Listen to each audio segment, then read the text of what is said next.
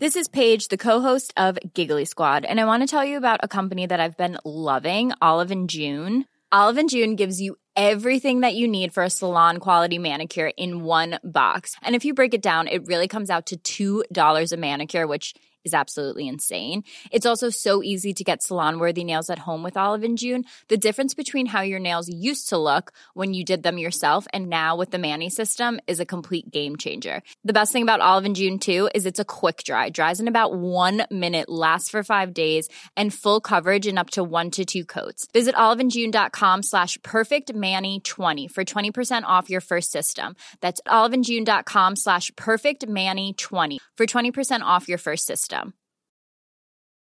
Imagine the softest sheets you've ever felt. Now imagine them getting even softer over time. That's what you'll feel with Bowl and Branch's organic cotton sheets. In a recent customer survey, 96% replied that Bowl and Branch sheets get softer with every wash. Start getting your best night's sleep in these sheets that get softer and softer for years to come. Try their sheets with a 30-night guarantee. Plus, get 15% off your first order at bowlandbranch.com. Code BUTTERY. Exclusions apply. See site for details.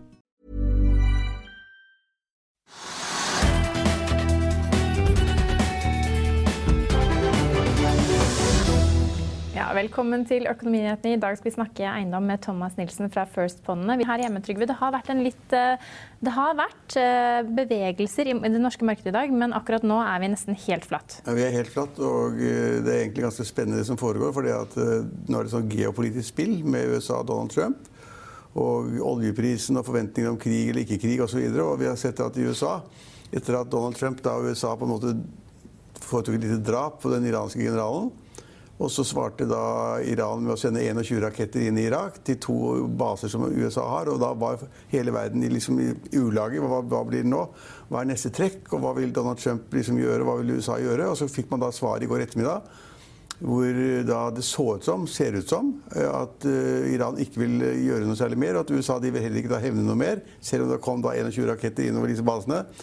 Eh, som ikke drepte noen, som da kanskje var stilt inn slik at de ikke skulle gjøre det. Kanskje det var en, warning eller hva det måtte være. Men i alle fall, så hele verden var liksom giret inn på hva skjer nå. Blir det mer altså, eskalering, mer krig, mer konflikter mellom Iran og USA. Og så endte det med at, at eh, Trump sto frem i går ettermiddag. Jeg så på den pressekonferansen.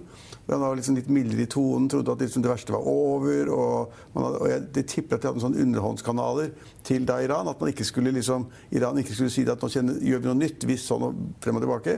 Og så gikk de amerikanske børsene kraftig opp, og de er da åpner samtidig med oss nå. Og, og går også opp nå, antar jeg. Ganske kraftig. slik at markedet i USA liksom oppfattet det slik at det verste er over, det blir ikke krig.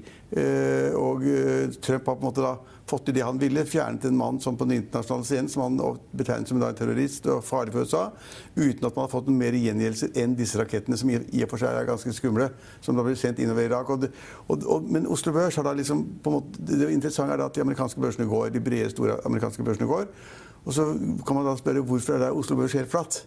Og Det skyldes at vi er en oljebørs, altså en energibørs. Og, og oljeprisen har fått seg en trøkk. Det, ja, det som var det morsomme, oljeprisen var da det, hele den konflikten startet opp, da, så var jo oljeprisen altså Brentoljen var jo over 70 dollar på fat. Lite grann.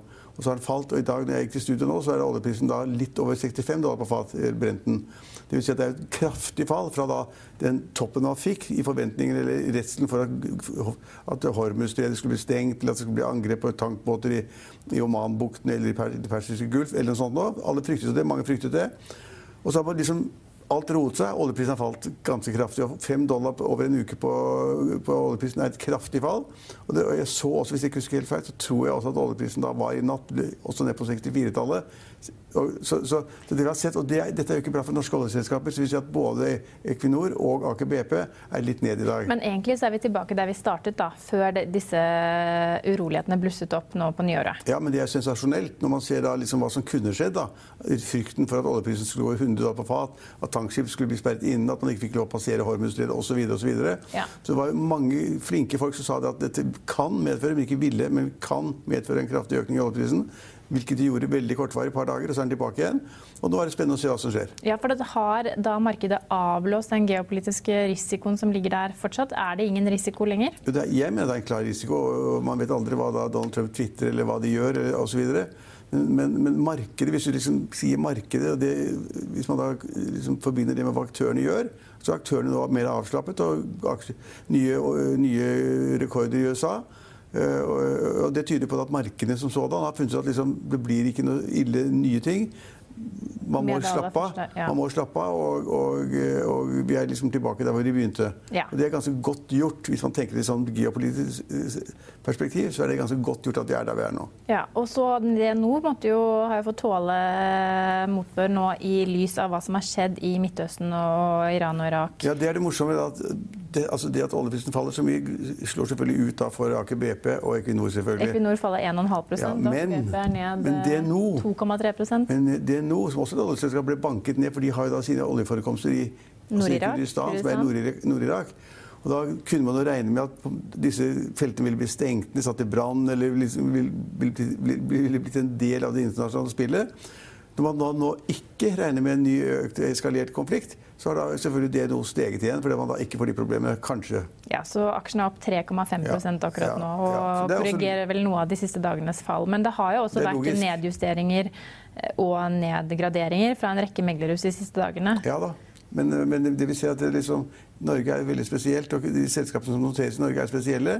Vi er litt i utakt med resten av verden, for at vi er oljelandet, mens andre land på en måte da tenker mye bredere om at får vi krig og mindre vekst og problematiske greier, handelsavtaler blir ikke avsluttet osv., så, så, videre, så er Norge litt giret på denne energisektoren. og Der får vi da nå ikke da den veksten i aksjemarkedet som mange andre får. De, de, de asiatiske aksjene gikk jo i natt også. De USA går nå. Ja, Der var det et lettelsesrally, det må ja, ja, nesten kunne si, med børser opp 2,3 Vi er liksom helt på, helt på flat grunn. Ja. Men vi snakket også om en rekke aksjer som kunne få måtte belage seg på en turbulent tid om det skulle eskalere i Midtøsten. Og, blant de aksjene vi nevnte da, var bl.a. Telenor. Nei, jeg mener eh, Norwegian. Ja, altså og Norwegian den... kunne jo liksom fått problemer. For det første så var det problemer med å fly over Iran og Irak. Hva det betyr økonomisk, har jeg ikke peiling på, men det, det var det som kom. Og så ville, Hvis da oljeprisen hadde gått til himmels, så ville også fuel-kostnadene gått til himmels. Det ville da rammet eh, Norwegian i en periode hvor de skal være, drive bedre og være flinkere. Men også der slapper markedene av og sier nå det at eh, altså kursen er opp da jeg gikk i studio og sist så på det. Så var Norwegian-kursen opp 4-5% og den har passert da 40 kroner igjen. Er nå over 41 kroner. Det er da også et resultat av det at uroen og usikkerheten som er det vesentlige i forbindelse med oljeprisen, har gått ned. Ja, og Danske Bank gjentar også kjøp på aksjen, tar kursmålet noe ned. Og så venter man seg nå at en reparasjonsemisjon som kan få inn 280 millioner, kommer til å skje i løpet av kort tid. Mulig. Og så venter vel mange i spenning på hva som kommer ut av oppgjøret med Boeing. Ja, og der er det ja, der er Boeing det er altså et morsomt eh, tilfelle, da, eller et tragisk tilfelle. Den kursen har også falt, men ikke mye. Men den falt jo da pga. den nye eh, flystyrten, fly, flystyrten i Iran. Så, der, så, Boeing er et, et, tilfelle i seg selv, da, som må betale masse penger til flyselskapene som da måtte krever eller vil ha erstatning etter den 737 eh, 8-ulykkene. Og den nye tingen, det, det, altså det siste de trengte, var en ny ulykke, som de har fått nå. Så Boeing er eh, en ting for seg selv. Ja, og så kan vi ta med oss at TGS har sluppet en smakebit på hva de kommer til å levere i fjerde kvartal. Og salgsinntektene kommer trolig litt under konsensus, som gjør at aksjen faller 1,9% akkurat nå. Vi har snakket om Prosafe tidligere i uken. Den hadde jo en solid oppgang i begynnelsen av uken, og så falt den har den nå falt tilbake. Men Prosef var jo en av de eh, aksjene som ble trukket frem som en mulig nyttårsrakett. Ja, altså, Prosef har jo gått jeg husker ikke, altså 50-60 ja. i løpet av noen uker. og Det er altfor mye altfor fort, selvfølgelig. Og det er ikke kommet noen meldinger som skulle tilsi at de tjente mer penger eller mer beskjeftigelse av riggene sine. Det er sånne borigger. Uh, og så, etter at det har steget så mye, så har det fått en reaksjon i markedet i dag. Så den har vært ned 8-9 eller noe sånt. Ja, akkurat nå er den vel ned uh, ja. Tipper 8 eller noe sånt. Ja. Ja. Den har fått en korreksjon ned. Og Telenor og Nell går også mellom 2-3 i dag. Ja, det kan jeg ikke si noe svar på. Men jeg kan si en annen aksje som har vært på vinnerlisten, har vært SAS. Som har kommet med trafikktall. De var bitte litt bedre enn tidligere. altså det var en liten økning. Og så klarte de å øke yielden og øke da inntjeningen for de passasjerene de har. litt grann. Men markedet syntes at det var helt fenomenalt, selv om det var kanskje, man snakket om 1 eller 2 prosentpoeng. Så, så, så syntes markedet det var veldig fint, og så sendte de aksjene opp da tidvis 8-9% opp. Ja, og For de som vil er interessert i Tesla eller eier Tesla, så bør man kanskje ta seg en titt på Finansvisen ennå akkurat nå, hvor Tesla stjeler overskriftene. Ja, det vet jeg ikke hvor. Tesla har jo hatt kjempekursøkning. så Den har vært oppe i nesten 500 dollar. og Mange sier nå det at Tesla må ned. Den er overprist og altfor dyr. Og nå står det at flere meglere frykter et stygt kursfall i Tesla fordi, ja. for å avsløre det. Jeg tror ikke det er så veldig mange nordmenn som egentlig har aksjer i Tesla. De har kanskje mye Tesla-biler. men det er veldig mange nordmenn som har Tesla-biler. Ja, de har Tesla-biler, men jeg tror ikke det er så aksjer så mange, da. Da blir de solgt nå, fordi kursen har gått altfor mye. sannsynligvis. Ja. Det var hovedtrekkene fra Oslo Børs. Vi skal videre til eh, gjesten vår, Thomas Nilsen, forvalter i First-fondet. Velkommen til oss. Du var i studio for eh, ja, litt, over et halvt år, litt over et halvt år siden, fordi ja. dere lanserte da First Nordisk Eiendom, et eiendomsfond som du forvalter. Ja. Eh, jeg vet i hvert fall en klar formening om hvordan eiendomsmarkedet eller eiendomsaksjene har gått det siste halvåret. Men fortell oss, hvordan har det første halvåret i drift vært for fondet? Det har jo vært et veldig takknemlig marked å, jobbe i, så vi har hatt en god start på etter lanseringen. Og vel opp drøyt 38 eh, i fjor, så det er jo langt mer enn det man eh, skulle forvente. Eh, men når det er sagt, så, så tror jeg det, vi får ofte motargumentene på at ja, men det, det har jo eiendommen gått opp i ti år, og eiendommen gått opp i, siden 1992 og sånn. Jeg tror det er viktig å analysere litt hvor den veksten faktisk kommer fra. Da. Fordi hvis du ser på den inntjeningsveksten og utbytte, eller kall det verdiskapning til de selskapene vi har investert i, så har den vært på 17,5% siden 2006 eh, per år. Og av de så kom kun 4% fra at rentene har falt, og de har fått lavere eh, rentekostnader i, regnskapene sine. Så De siste 13 år kommer jo fra at selskapene driver skikkelig godt. og De driver verdiskapning, får flere kvadratmeter, utvikler eiendommene sine. De har nære relasjoner til eh, leietakerne. De klarer å Eh, utnytte kvadratmeterne bedre, bygge, utvikle og få bedre porteføljer. Derfor får de også bedre inntjening. De har god kontroll på kostnadene og har hatt en underliggende utrolig eh, imponerende verdiskapning. Men dine investeringer er stort sett i Sverige, ikke i Norge? Ja, Vi har kun én i Norge, og det er Self Storage Group, da, som er minilagre. Det er Øystein spitalen, Det er hans baby, er det ikke det? Ja, ja, ja. Uh, er han hovedaksjonær der? Definitivt. Ja. Han har i hvert fall snakket varmt om aksjen både på investordagen og prøvde å gjenta budskapet når vi møtte han på julepodkast, jeg og Trygve. Men, men, det er den eneste norske aksjen dere har hatt. Jeg var i Stockholm før jul og snakket med ABG Sundal Collier, og de har også svært tro på eiendom. Og eiendomssektoren i Stockholm på den svenske børsen har gått nesten 50% i 20 Er det noen som har vært i næringseiendom som ikke har tjent penger det siste året? Altså det, Nei, men nesten 50 Ja, ja, det er fenomenal rekord du også har. Men det er jo alle som har vært innen næringseiendom, har tjent penger. Enten det er i Stockholm eller i Oslo. Det har spredd seg litt. Altså, de fleste har gjort det, men det har vært stor varianse i hvordan de har tjent penger. Jo, men altså, Folk er villige til å betale mer og mer, enten internasjonale investorer, du, du som kjøper sånn fond osv. Så, videre, så alle betaler mer, og så går da på en måte gilden litt ned for at man godtar istedenfor gild på 4,5% eller 5 så godtar man kanskje 3 eller 3,5 eller 3,9 eller sånt. Så man, det, er, det, er, det er kjempeinteresse for å kjøpe. De driver jo prisene opp, så gir folk aksepterer lavere gild pga. lavere renter også, selvfølgelig. Ja, litt. Nå har Yielden egentlig ligget ganske flatt i, i, lang tid, så veksten i det siste har kommet fra at selskapene tjener mer penger. Da. At de er eh, rett og slett utvikler porteføljene sine. fordi Yielden har ligget flatt, og så har rentene ja, falt litt. sånn at Yield-gapet har jo gått litt ut. Yielden har falt under 4% iallfall i Oslo. da. ja, men den har ligget relativt stabilt et par år nå. Og så har du selvfølgelig handelseiendom, som har hatt en eh, utfordrende de siste par-tre år, og sikkert kommer til å få det fremover også. Da tenker du på varehuset og sånn? Ja. ja. Kjøpesenteret? Ja. Men som sagt, når jeg da var i Stockholm og snakket eiendom med et annet megler, så mente de at eh, i hvert fall i Stockholm så var, ikke, var, vi ikke på peak, og de trodde også at eiendomssektoren kunne gå mer. Hva betyr det for deg når du skal eh, se på porteføljen din inn i 2020? Vi ser jo at den jeg nevnte det 17,5% så er det egentlig Nå ligger rønnretten enda litt høyere enn det også. da. Og det er litt fordi at de kontraktene du fornyer nå, som har kanskje inngått for tre-fire-fem år siden, er gjort på mye lavere nivåer, spesielt på kontoret i Stockholm, da, som gjør at du får en bra uplift i regnskapene osv. framover. Men vi liker jo primært selskaper som over tid har vist at de klarer å navigere i alle typer markeder. Også gjennom finanskrisen. og Derfor vi måler alle selskapene fra 2006, for å se det gjennom en nedgangskonjunktur også. Og Der ser du at det er ganske bemerkelsesverdig stabilt og, og forutsigbart. da. Eh, I vårt fond har vi jo 20 millioner kvadratmeter som vi har eksponering mot, og masse både offentlige mottakere og masse Men, men Kjøper du andeler i eiendommer, eller bare i selskaper som har eiendom? Siste. Siste ja. Mm. Men på en måte eksponeringen vil jo være mot det som selskapene har av ja, ja. Eh, sine eiendommer. Men du kjøper ikke liksom en sånn, Det er ikke Norges Bank som kjøper en blokk i London eller en blokk I'll see you in court.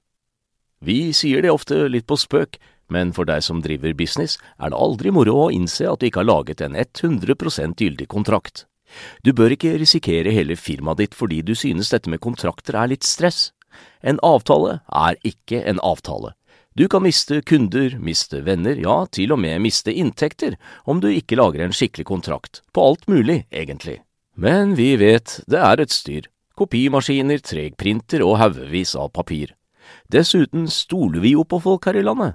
Det er ofte litt kleint å skulle be om en signatur for alt mulig, ja, for mye av styret handler også om jakten på underskriften. Det finnes en enkel måte å løse dette på, Dukkobit, en trygg, effektiv og get this, gratis måte å sikre seg en god natts søvn pluss en juridisk bindende avtale. Dukkobit-appen har de strengeste sikkerhetskrav i bunn, samt en EU-godkjent og sertifisert teknologi. Framover vil det bli behagelig å spørre du, skal vi skrive under på det, eller?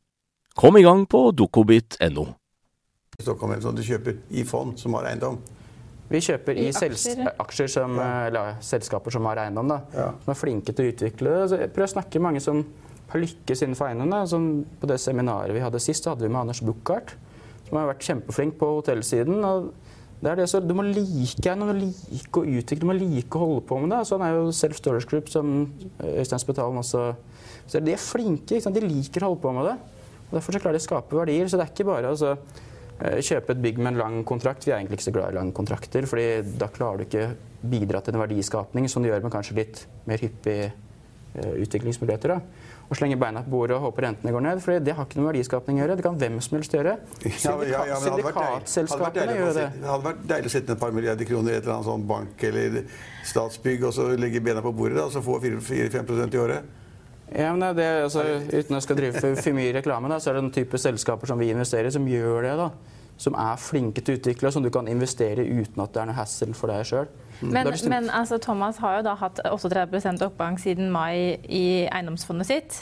Så at, så at det, er en- at det har vært et lukrativt år å være i eiendom, det kan vi være enig i. Men nå har du sagt self-storage. Eileen, det var det vi spurte øh, Øystein Strauss Betalen og Moreus Hansen da, i dag. Deres Hadde- største feil. de liksom, var det liksom de skulle gjort, og eh, var det noe de kunne tenkt seg annerledes, så var det begge to sa jo det. De skulle vært i eiendom, selvfølgelig.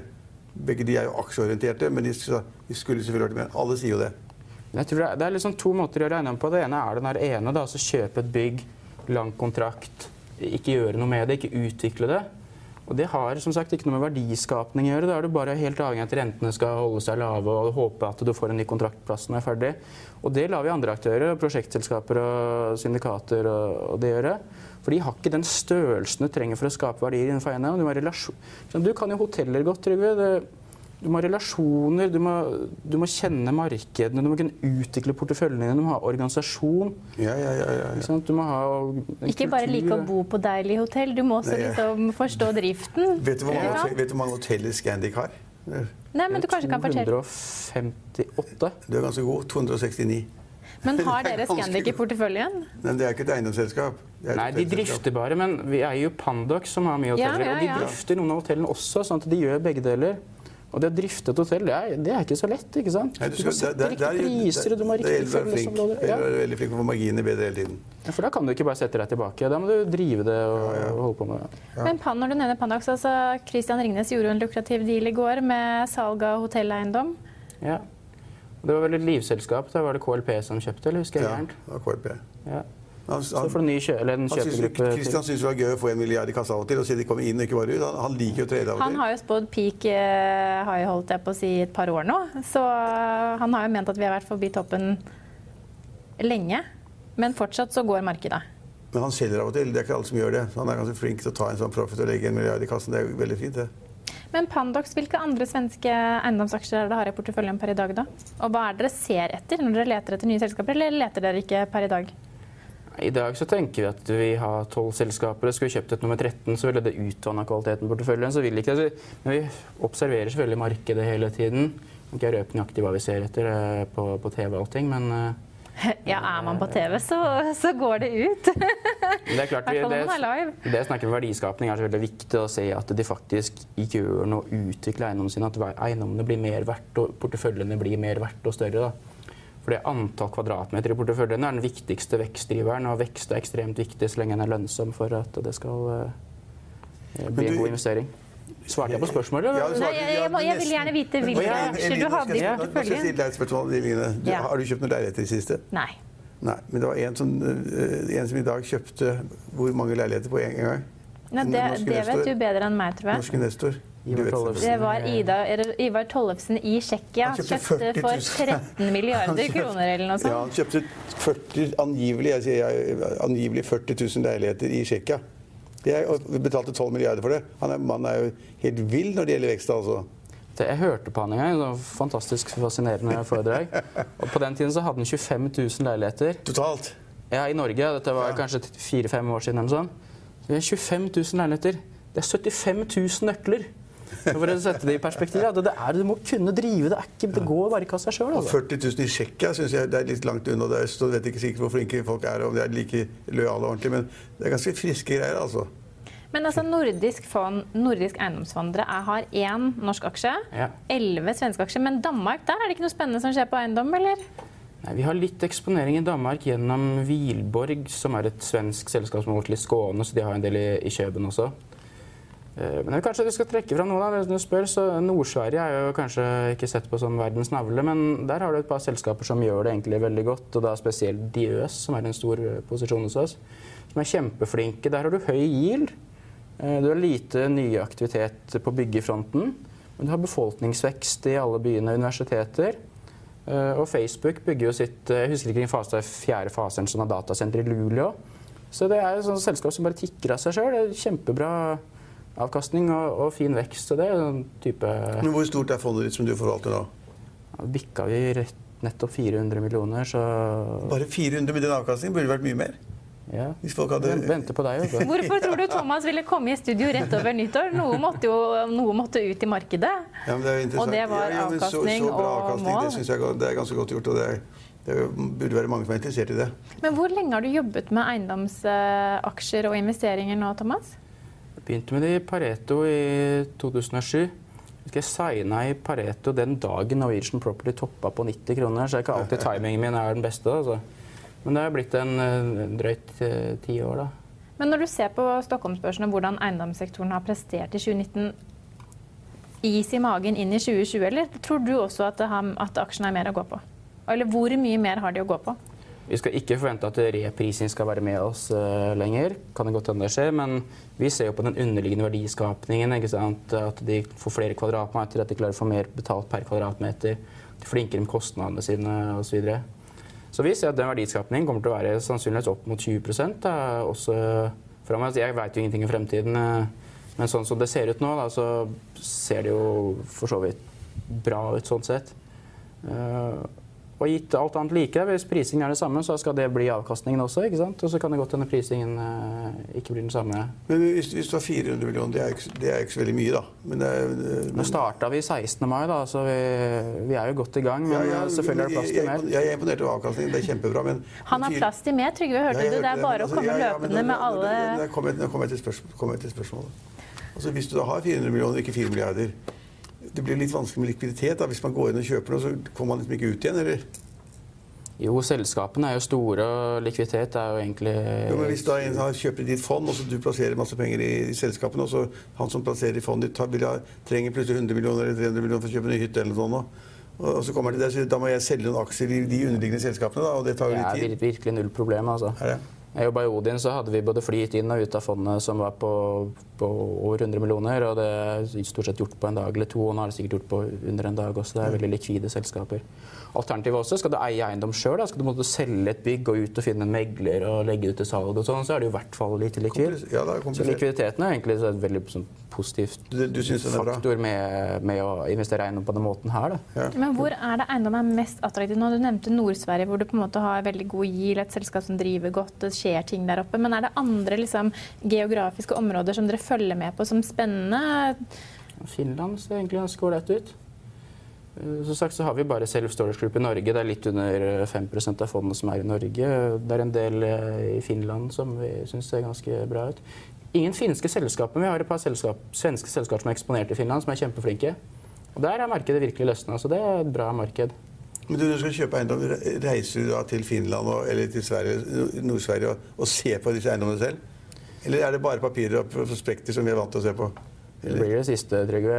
20 millioner kvadratmeter, så det tar litt tid å reise rundt. Men det er klart vi Du kunne tenkt at du var nysgjerrig for å se det hotellet der, eller hvordan det bygget var? om det var... Bygg er et, altså, Et bygg er et bygg nå. er et bygg. Jeg har ikke kompetansen til å gå og si at det er et bra bygg, det er et dårlig bygg. Kan sette deg på hengeskiltet rett og sånne ting. Men hvis det henger eh, plakat med 'til leie' i alle, alle etasjene, så er jo ja, så, så vil jo det sannsynligvis være reflektert i kvartalsregnskapene, som er veldig der, detaljerte. ikke sant? ja.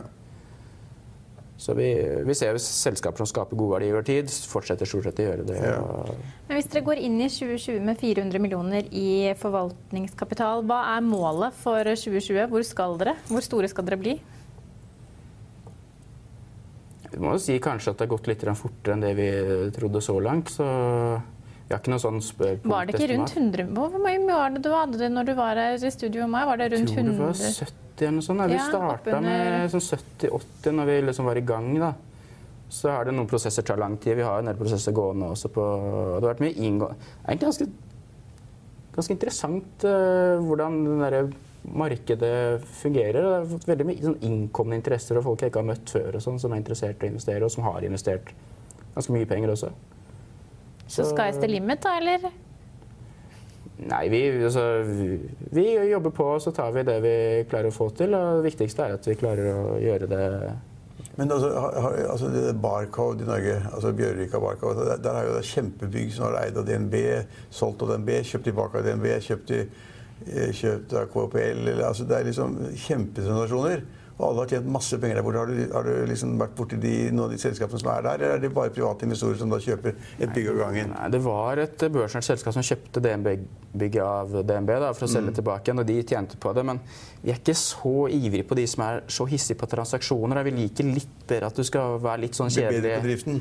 Ja, ikke sant? Det er ikke noe vondt om det selskapet, men altså, vi liker jo litt at du vokser kanskje litt mer forutsigbart. da. Gjerne gjøre gode transaksjoner. Det er Selvfølgelig Ja, det er det er- verdiskapning, også. Det har jo vært kjempetransaksjoner i Bjørvika i Barcode. Ja. Man ikke drømte om da det ble bygget. Jeg vet ikke når det ble bygget, det er ti år siden eller sånn. Ja. Men det har vært kjempetransaksjoner og kjempefortjenester i de byggene. Så at du forventer en 20 eh, At selskapene skal levere 20% på Ja, Det ligger sånn og rønner på knappe 20 på, på veksten i inntjening, altså litt utbytte på toppen av det. Så, så får vi se hvordan, hvordan prisingen av eiendomsaksjer blir. da. Men det er et godt utgangspunkt i hvert fall, at det er en stabil og, og sterk vekst. Så Så er, det, så er det kanskje fredelig i Skandinavia. I Norge, Sverige og Finland. Og det er, det er fredelig her. Det er ikke liksom Midtøsten. Det er ikke Ja, det er et godt poeng der, at det, det er ikke så mange aksjefond i Norge som er rent nordiske. da. Så alle norske aksjefond har eksponering i Hydro, Telenor og andre selskaper som har global eksponering. First Nordisk Eiendom er 95% i Norden. Det som er utenfor Norden, er Pandox sine hoteller som står litt i Tyskland og England og til Canada og litt sånn. Men jeg- kan jeg få lov til å reklamere for et seminar vi skal ha 29. januar også? Ja, nå er det i hvert fall for sent å si nei, for nå Nå har du allerede om, om gjort det. plassering av eiendom. Ja, om, eh, om fondet. Om fondene. Ja, det, Ja, og eiendomsmarkedet. Vi skal ha en Bård Bjølgerud annet, som er kjempeflink. Bård kjenner vi. Bård er pratet i studio. Ja. Ja. Nei, men, Bård, eh, Bård men var om på du tar i november. Thomas, jeg kan i hvert fall love deg at hvis du tar tre-firegangeren på fondet i år òg, så skal du i hvert fall tilbake i studio. Ja. Og med samme avkastningen. Og med samme avkastning, ja. Tusen takk for at du har anledning til å være gjest hos oss. Vi er tilbake i morgen klokken 13.30. Da har vi med oss Helge André Martinsen, som er oljeanalytiker i DNB Markets i studio. Følg med oss igjen da.